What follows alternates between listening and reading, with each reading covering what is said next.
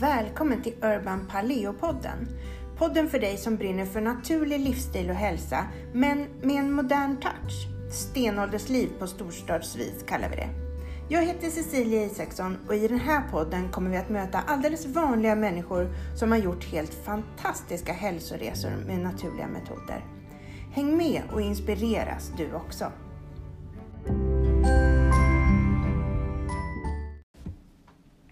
Hej och välkomna till Urban Paleo-podden. Idag har jag bjudit in Fredrik Mattsson.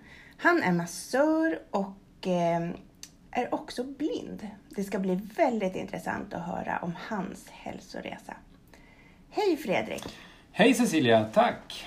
Hur är läget med dig idag? Det är bra med mig. Jag eh, ser fram emot det här. Trevligt att träffa dig här idag. Prata lite. Ja.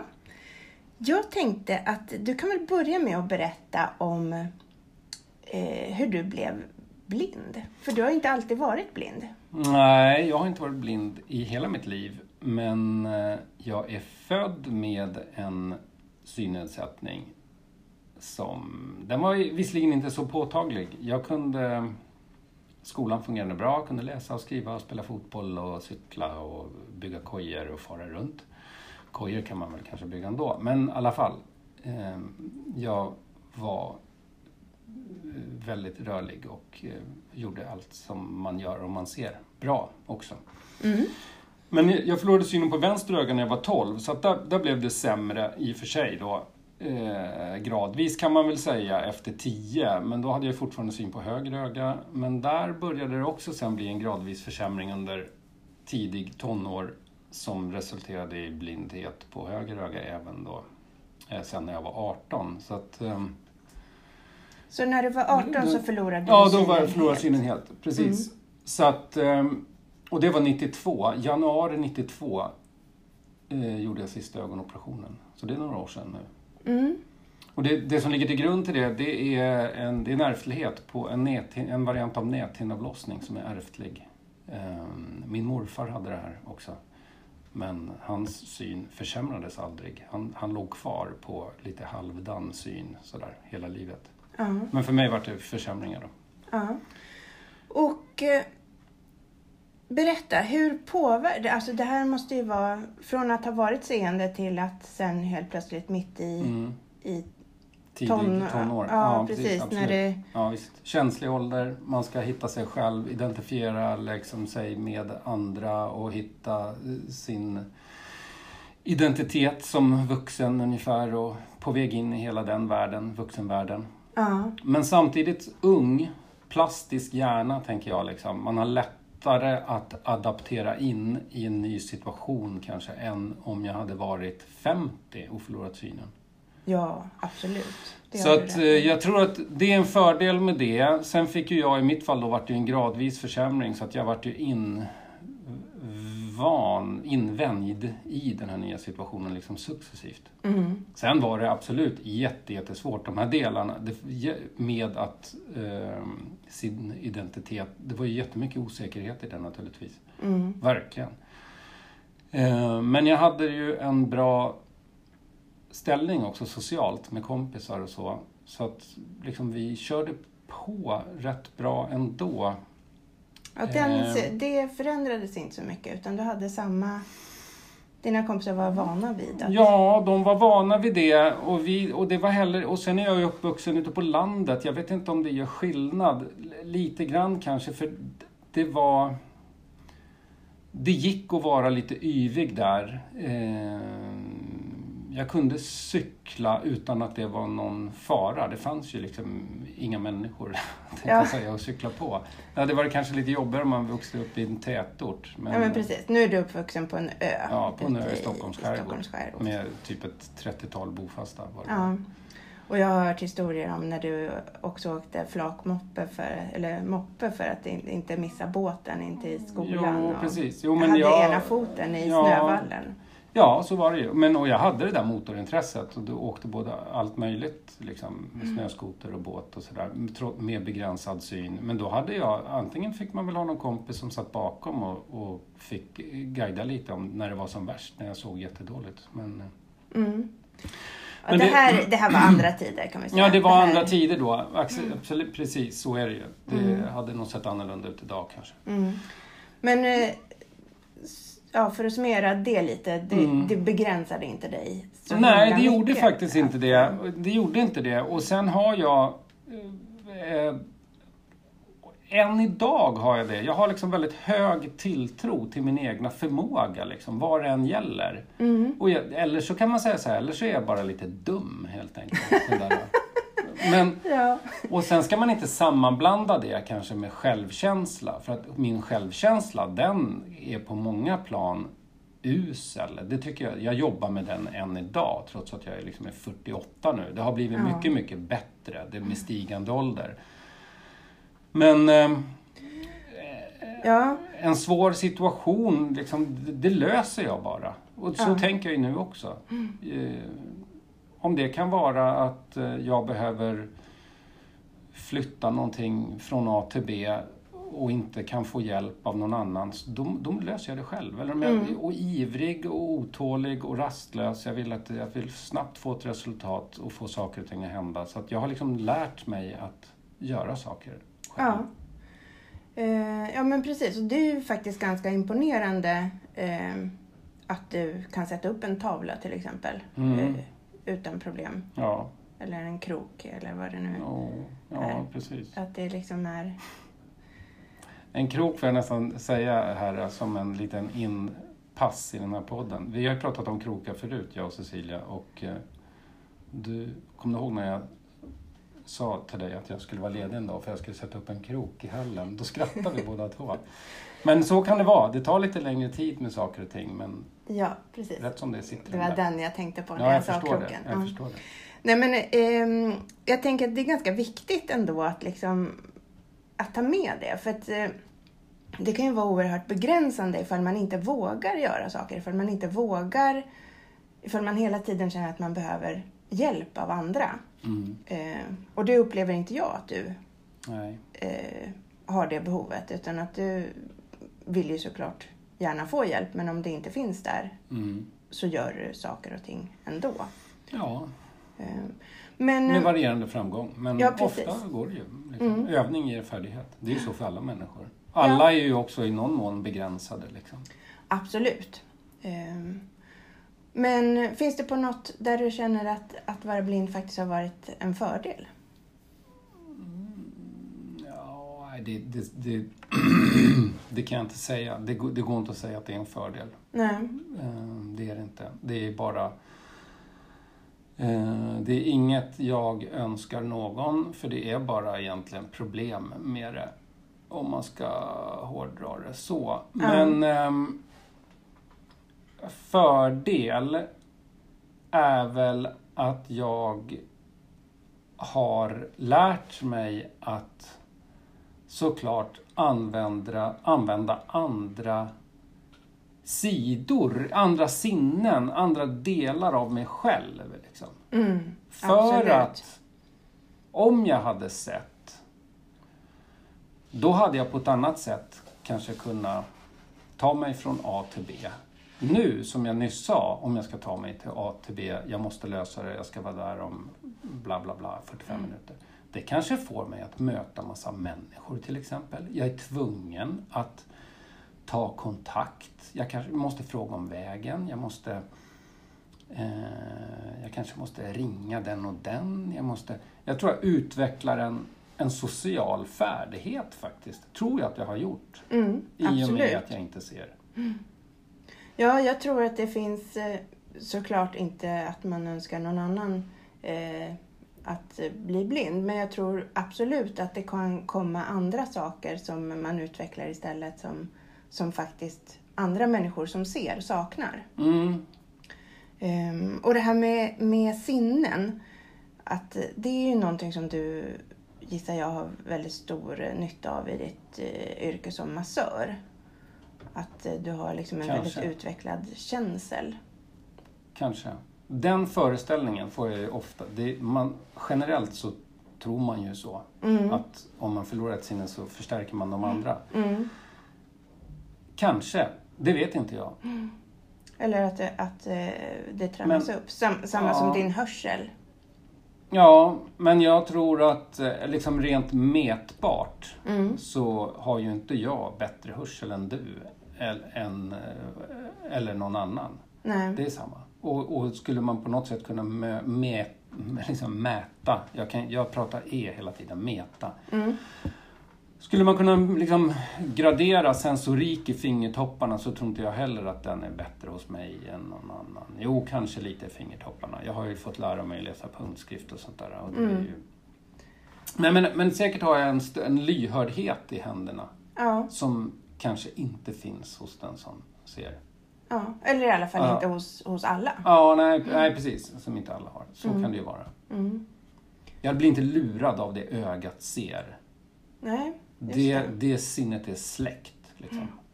Mm. Och jag tror man säger att synen tar 80% av hjärnans kapacitet när det gäller liksom all perception. Mm.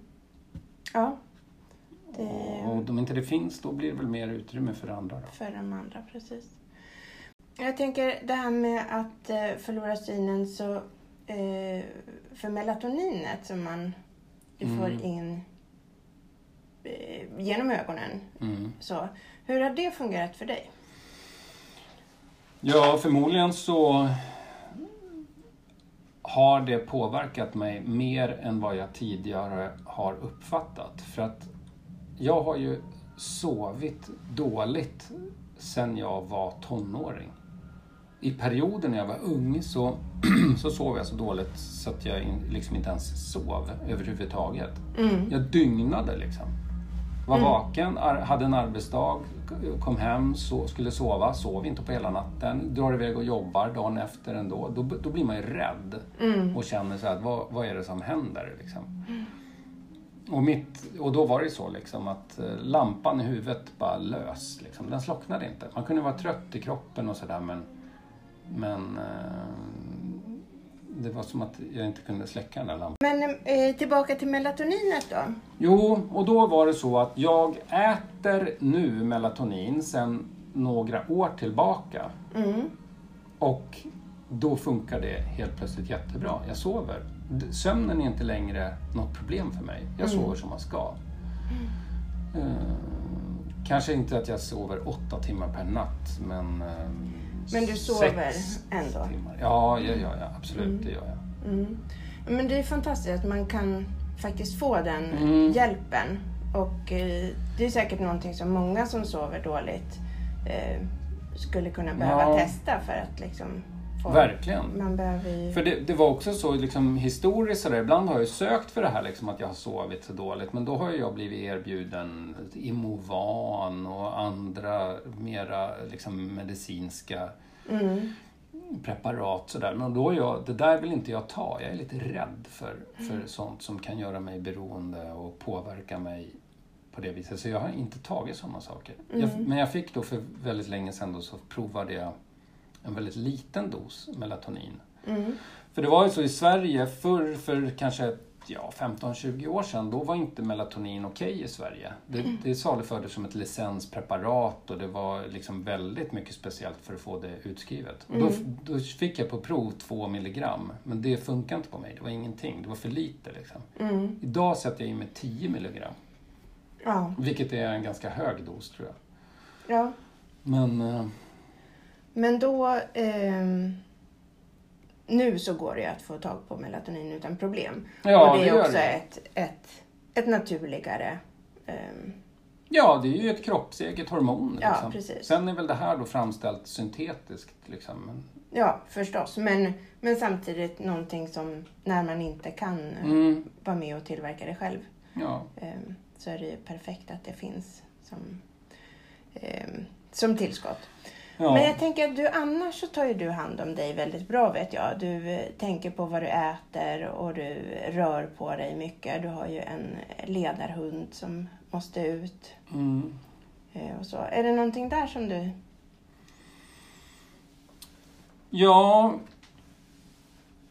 jag känner ingen stress med att jag måste till gymmet två, tre gånger i veckan eller eh, att jag har den där, liksom, det där i mig att jag måste ut och liksom sätta av tid speciellt där jag tänker träning. Det är inte ett krav för mig. Däremot så måste jag röra mig. Jag vill helst gå och då går jag ganska fort. Liksom, ett högt tempo. Det- Jag vill gärna komma upp i en mil om dagen helst. Liksom. Mm. Ja, när vi Och- går, då Mm. är det ju så att då måste jag nästan springa Ja, bredvid. och så håller jag ner liksom, tempot lite såklart när man går med andra, det gör man ju. Men, men en, ras, en rask promenad. Men då har jag ju det så förspänt att jag går, jag har väl typ 2-3 kilometer till jobbet. Så då, då är jag ju uppe i åtminstone 5 kilometer bara där till och från jobbet. Och sen tar man en runda på kvällen på kanske en 5 kilometers, liksom en dryg. Man är ute någon timme och kvart och sådär. Mm. Det är både för min skull och för Balders skull då, min hund. Ehm, Mm. Så du får ju liksom den här vardags... Ja, precis. Vardagsmotion. gratis. Och, ja, precis. Och sen blir det då och då ett eh, crawlpass. Brukar gå upp till Fyrishov köra där. Liksom. Man känner att det skulle vara skönt att bara sträcka på sin simbassäng lite grann. Sådär. Mm. Och hoppa gärna på. Jag körde yoga i en period sådär och tyckte det var lite skönt. Sådär. Mm. Sen ehm, tror jag ju då att mitt yrke som massör börjar i och för sig kräva egentligen att jag tänker lite mer. Liksom. Jag skulle behöva stärka min rygg lite mer tycker jag. Med ryggmuskulatur och lite bål kanske. Mm. Så det är nog någonting jag bör komma igång med.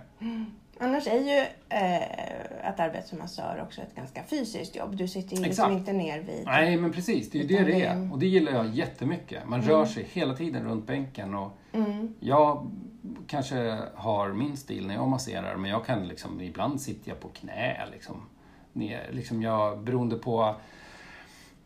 Istället för att jag ska positionera om personen som ligger på bänken så kanske jag ändrar min egna arbetsställning istället för att komma åt den här armbågsleden som befinner sig 30 centimeter ovanför golvet nere på ett armstöd. Då kan jag själv gå ner och sätta mig liksom i en knäposition eller någonting. Eller Mm.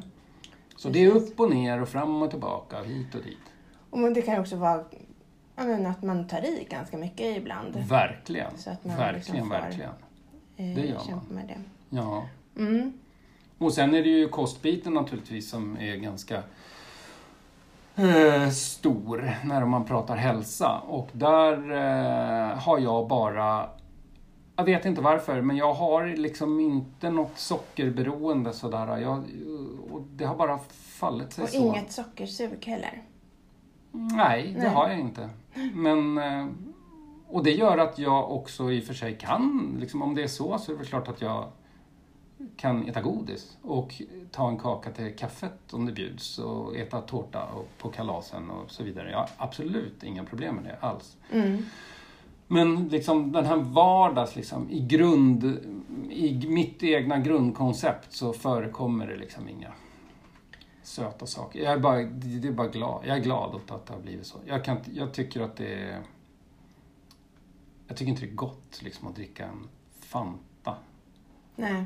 Det ska vara om jag är riktigt bakis tänkte jag säga. Och det händer väl inte. Det blir ju mer och mer sällan också att man är det. Men absolut att jag kan dricka Vin, vin är gott, liksom. Vin och vatten och kaffe. Det dricker Sen, du. ja, men sen behöver inte vin, herregud, det är ju inga överdrivna mängder. Men jag menar bara så här att jag, jag äter väl och dricker alkohol som de flesta bara. Vanlig trevlig nivå på det. Mm. Men du äter inte socker, så där har vi en, en... Ja. Och det är inte heller en ansträngning för dig, utan det är bara naturligt att du inte... Ja, Du vill liksom inte ens ha det. nej, Så precis. det är inte svårt. Men som sagt, jag, jag äter det om det bjuds, tänkte Mm. jag säga. Eller om jag är på ett, om situationen Mm. kräver, tänkte jag säga. Men har du några andra när du eh, tänker liksom kost sådär? ehm, har du några andra liksom som du medvetet gör? Eller äter du Ja. vanlig husmanskost? Eller vad är det du... Ja, jag äter väl liksom gärna vanlig husmanskost, vanlig mat. Liksom sådär, kött och fisk och massa grönsaker. Men jag, jag försöker väl hålla ner det här med liksom mjölmat, sådär pasta. Inte så jättemycket pasta kanske. Jag äter inga, jag sitter inte och trycker mackor till frukost. Liksom. Bröd är inte heller min grej sådär. Mm. Ehm, Men kött och grönsaker? Ja, liksom- ja precis. Mm. Absolut. Jag åt en räksallad nyss till lunch här. Supergod. ja. Ehm, Men så då har du liksom en naturlig, kan man säga, en naturligt bra kost utan att du egentligen behöver anstränga dig. Det är inte... Mm. Ja, precis. Exakt. Och Ja. även en naturlig vardagsmotion utan att du behöver Ja, anstränga dig. Så precis. att ditt liv är av eh, bara ren slump ganska hälsosamt.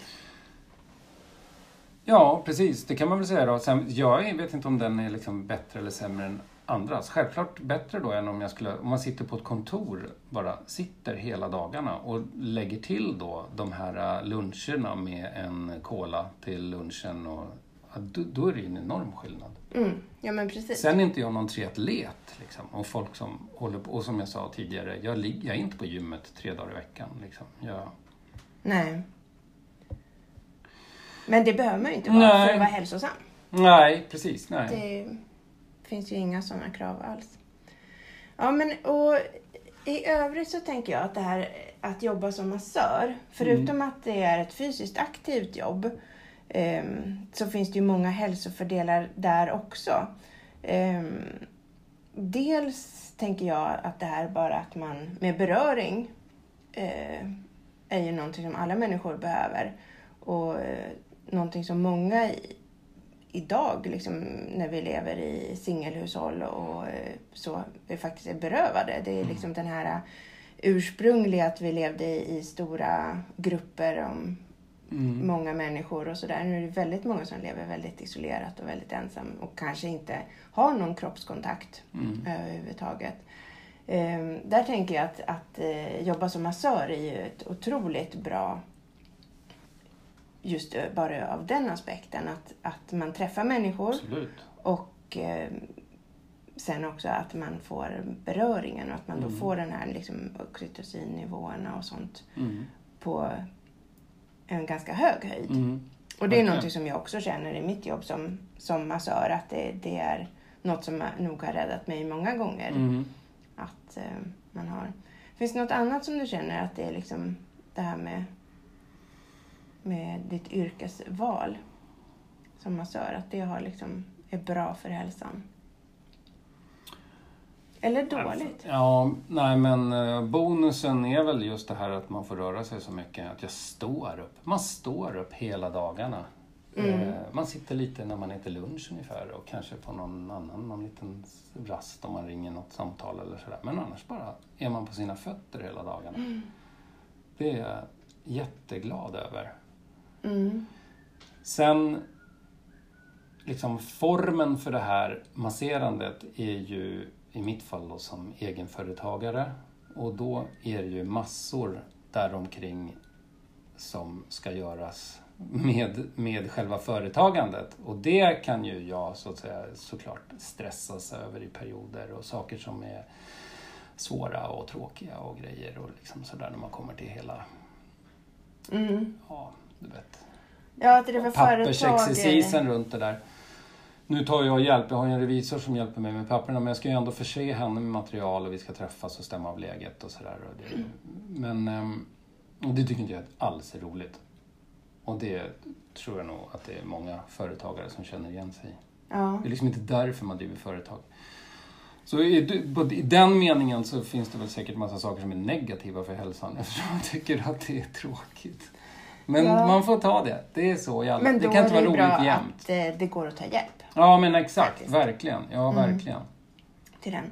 Ja, jag tänker också att det här med att röra på sig hela tiden, men det finns ju också vissa saker med masserandet som, ju, som jag ofta får frågan om. Det är ju, får du inte ont i händerna? Får du liksom inte Mm. ont i, i ryggen och i fingrarna Ja. och sånt där? Ja men precis. Ehm, jag vet inte hur du känner kring det. Ja, men jag vet inte, men jag, nu har jag masserat så länge. Jag började ju massera 2001. Eh, så det är ju över 20 år nu. Mm. Och jag vet, jag vet att i början, kanske de, bara tre månader in där i, i yrket som massör, så började jag få problem med en armbågsled. Och det kom jag väl runt då, jag minns inte nu hur, men jag gick väl, fick väl någon behandling av någon naprapat och ändrade väl liksom sätt att arbeta på något sätt. Sen ehm, fick jag problem med en hälsporre en period när jag jobbade nere i en simhall. Jag gick omkring liksom med dåliga skor på ett klinkergolv hela dagarna. Och sen som massör, man samlar ju kraft liksom från golvet och man tar i och man liksom Mm. sådär. Så då tryckte jag ju sönder en häl där eller jag utvecklade en hälsporre. Sen fick jag faktiskt bara ganska nyligen, för ett par år sedan, började jag få en rejäl känning i höger armbågsled. Mm. Och jag hade ont. Och jag masserade på, tog inte hand om mig som jag skulle. Eh, masserade med den här smärtan i armbågsleden. Sen vet jag, det var vid ett tillfälle när jag tog i ganska bra i en massage. Då var det någonting som bara... Ja, det bara knakade till i armbågsleden. Jag är rätt säker på att jag drog av liksom en rejäl bunt med muskelfibrer där. Mm. Eh, fortsatte i alla fall att massera, men jag fick ju ta det verkligen lugnare i en period. Mm. Men nu har det där faktiskt gått över. Det ska tilläggas att jag fick hjälp av en kollega med lite tuff massage på det där området, lite tvärfriktioner. Ungefär. Och... um, men nu är det bra, men och då, då tror jag så här att min, nu, vid det här laget har liksom min kropp verkligen anpassat sig efter mig själv. Jag har, eller så här, jag har så mycket små blessyrer just nu i, eller vid det här laget, i mina fotleder och muskelfästen ungefär. Så att eh, det, liksom, det är som en det är som en gammal dörr som har hängt i ett 1800-talshus. Liksom. Den, den börjar ju inte trassla nu, liksom, efter hundra år. Den där dörren kommer hänga där i hundra år till utan problem. Det är samma sak med min kropp. Det går bra nu, liksom. Det funkar. Ja, lite knarrig men, Ja, lite knarrig, men den gör det den ska. men den, liksom. gör, den den öppnar och stänger som den ska. Ja, ja, ja. Ja. Jag kan tycka att det ehm, just i, i händer och sånt, det, det, är ju liksom, det är ju tekniker som man använder så att det inte det blir inte ett problem. Men, men jag kan tycka att eh, många gånger när jag jobbar på andra ställen än på min egen mottagning att eh, jag då hamnar, kommer på bänkar som inte riktigt passar och då kan jag känna av i ryggen att det, Mm. att det inte är särskilt hälsosamt. Eh, kanske stå. Ja. Men då, som tur är så finns det ju saker man kan göra liksom för att göra motrörelser. Som jag brukar göra då, Mm. lite spiralstabilisering eller sådana saker för att liksom inte det. få det att gå in i det här liksom status Mm. monoton när man står vid en bänk med fel höjd eller, Mm. eller något sånt. Nej, sånt är jätteviktigt. Man får ju, jag, jag själv har en bänk som bara är 45 cm bred, så jag, jag, har ju väldigt, jag kommer ju väldigt nära då. Liksom. Mm. Och går man upp i bredda på bänken så att den blir... Då blir det som du säger, då, måste man ju, då blir det jobbigare för ryggen. Mm, precis. Så att det är, och det är ju lätt som egenföretagare ja. att göra när man är hos eh, sig själv. Eh, Men jag jobbar ju en del på till exempel på Mm. barnonkologen på sjukhuset och, Just det. och på ett spa. Ja, då får man ju ta det lite som det är när man kommer. Ja, precis. Men sen tror jag också så här att någonting som faktiskt jag tror är jätteviktigt att spela in, det är ju det här med att man trivs med det man gör och att man också Självklart lyhörd och hänsynsfull på alla sätt och vis mot personen som ligger på bänken. Men man måste också vara häns, ta mycket hänsyn till sig själv. Liksom. Mm, där säger du något viktigt. Ja, för att det är faktiskt, det här är min arbetsmiljö, det är jag, jag måste, jag gör...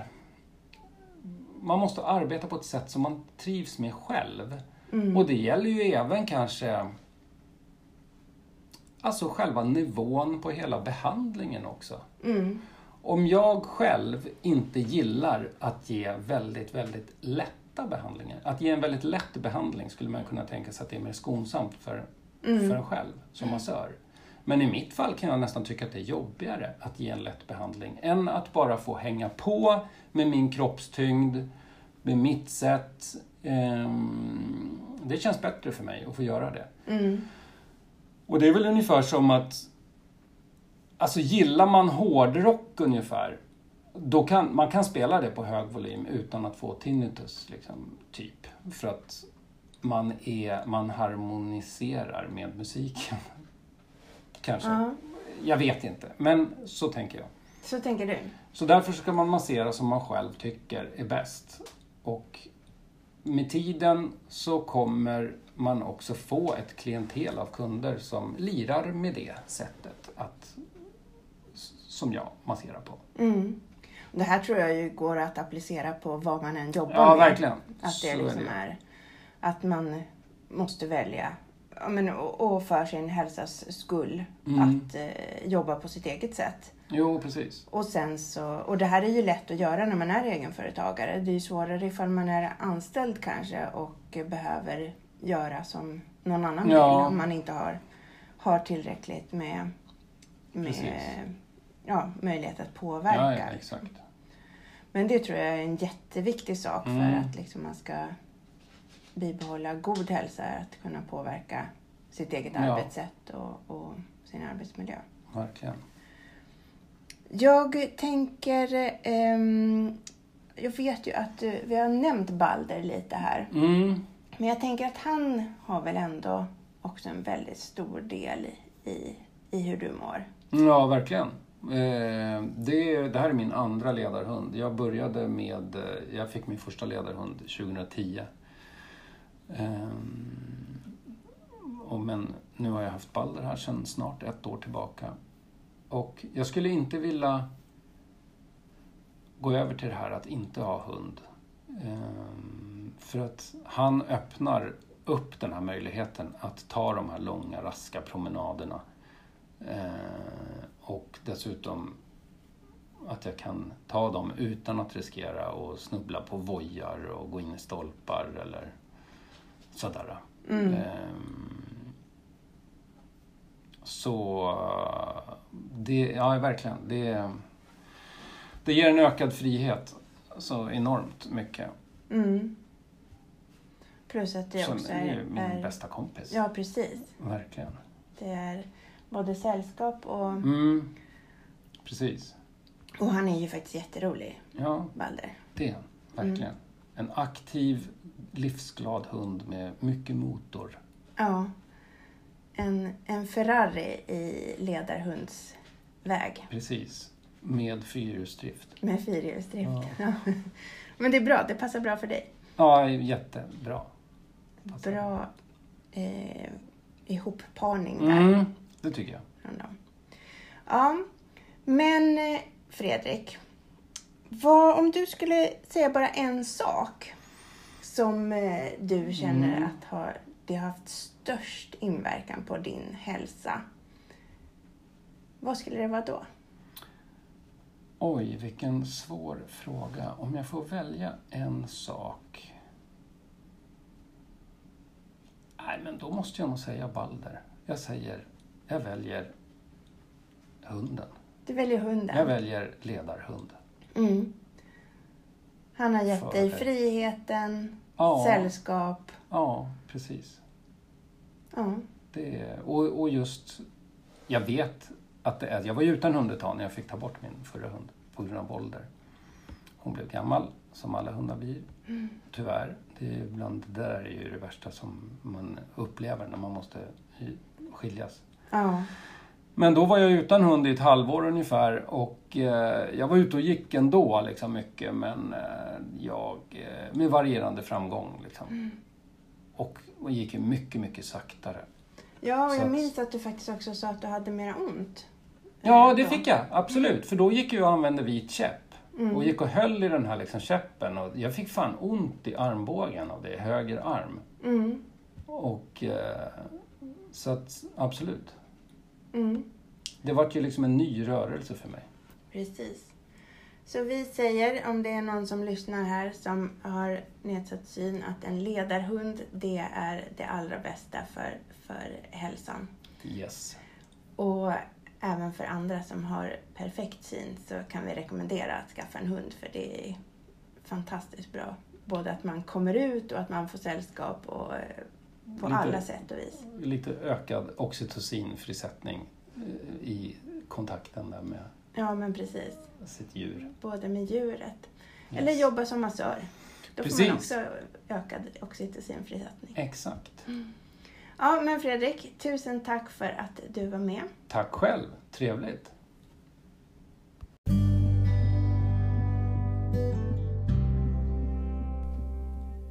Du har lyssnat på Urban Paleo-podden Stenåldersliv på storstadsvis. Jag är så glad att du är här och har lyssnat och jag hoppas att du gillade podden och vill hjälpa mig att sprida den vidare. Du kan göra på flera olika sätt så att flera får upp ögonen för min podd. Till exempel så kan du lämna en review eller du kan ratea den och ge den fem stjärnor om du tycker att den var värd det. Eller du kan ta en skärmdump på det här avsnittet och dela på dina sociala medier tagga gärna mig då. Det heter Urban Paleo C på Instagram och Urban Paleo Center på Facebook. Men än en gång, tack för att du lyssnar och tack för att du hjälper mig att sprida Urban Paleo-podden vidare.